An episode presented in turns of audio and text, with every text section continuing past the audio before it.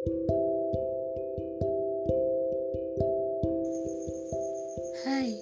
aku Herliana. Umur aku sekarang 19 tahun.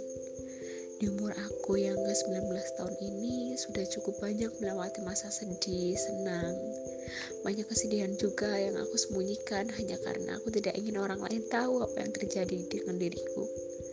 Tidak ingin berdebat dengan seseorang.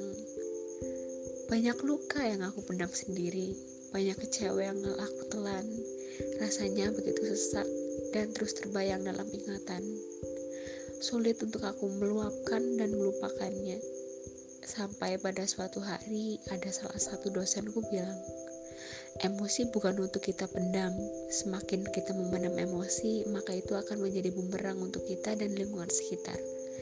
Luapkanlah emosi tersebut dengan banyak melakukan hal positif yang membuat kita merasa senang dan nyaman.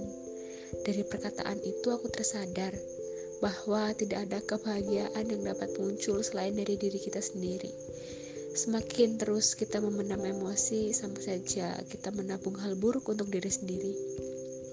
Jadi, untuk teman-teman, jangan pernah kalian memendam emosi kalian, atau hal buruk akan terjadi pada diri kalian ke depannya.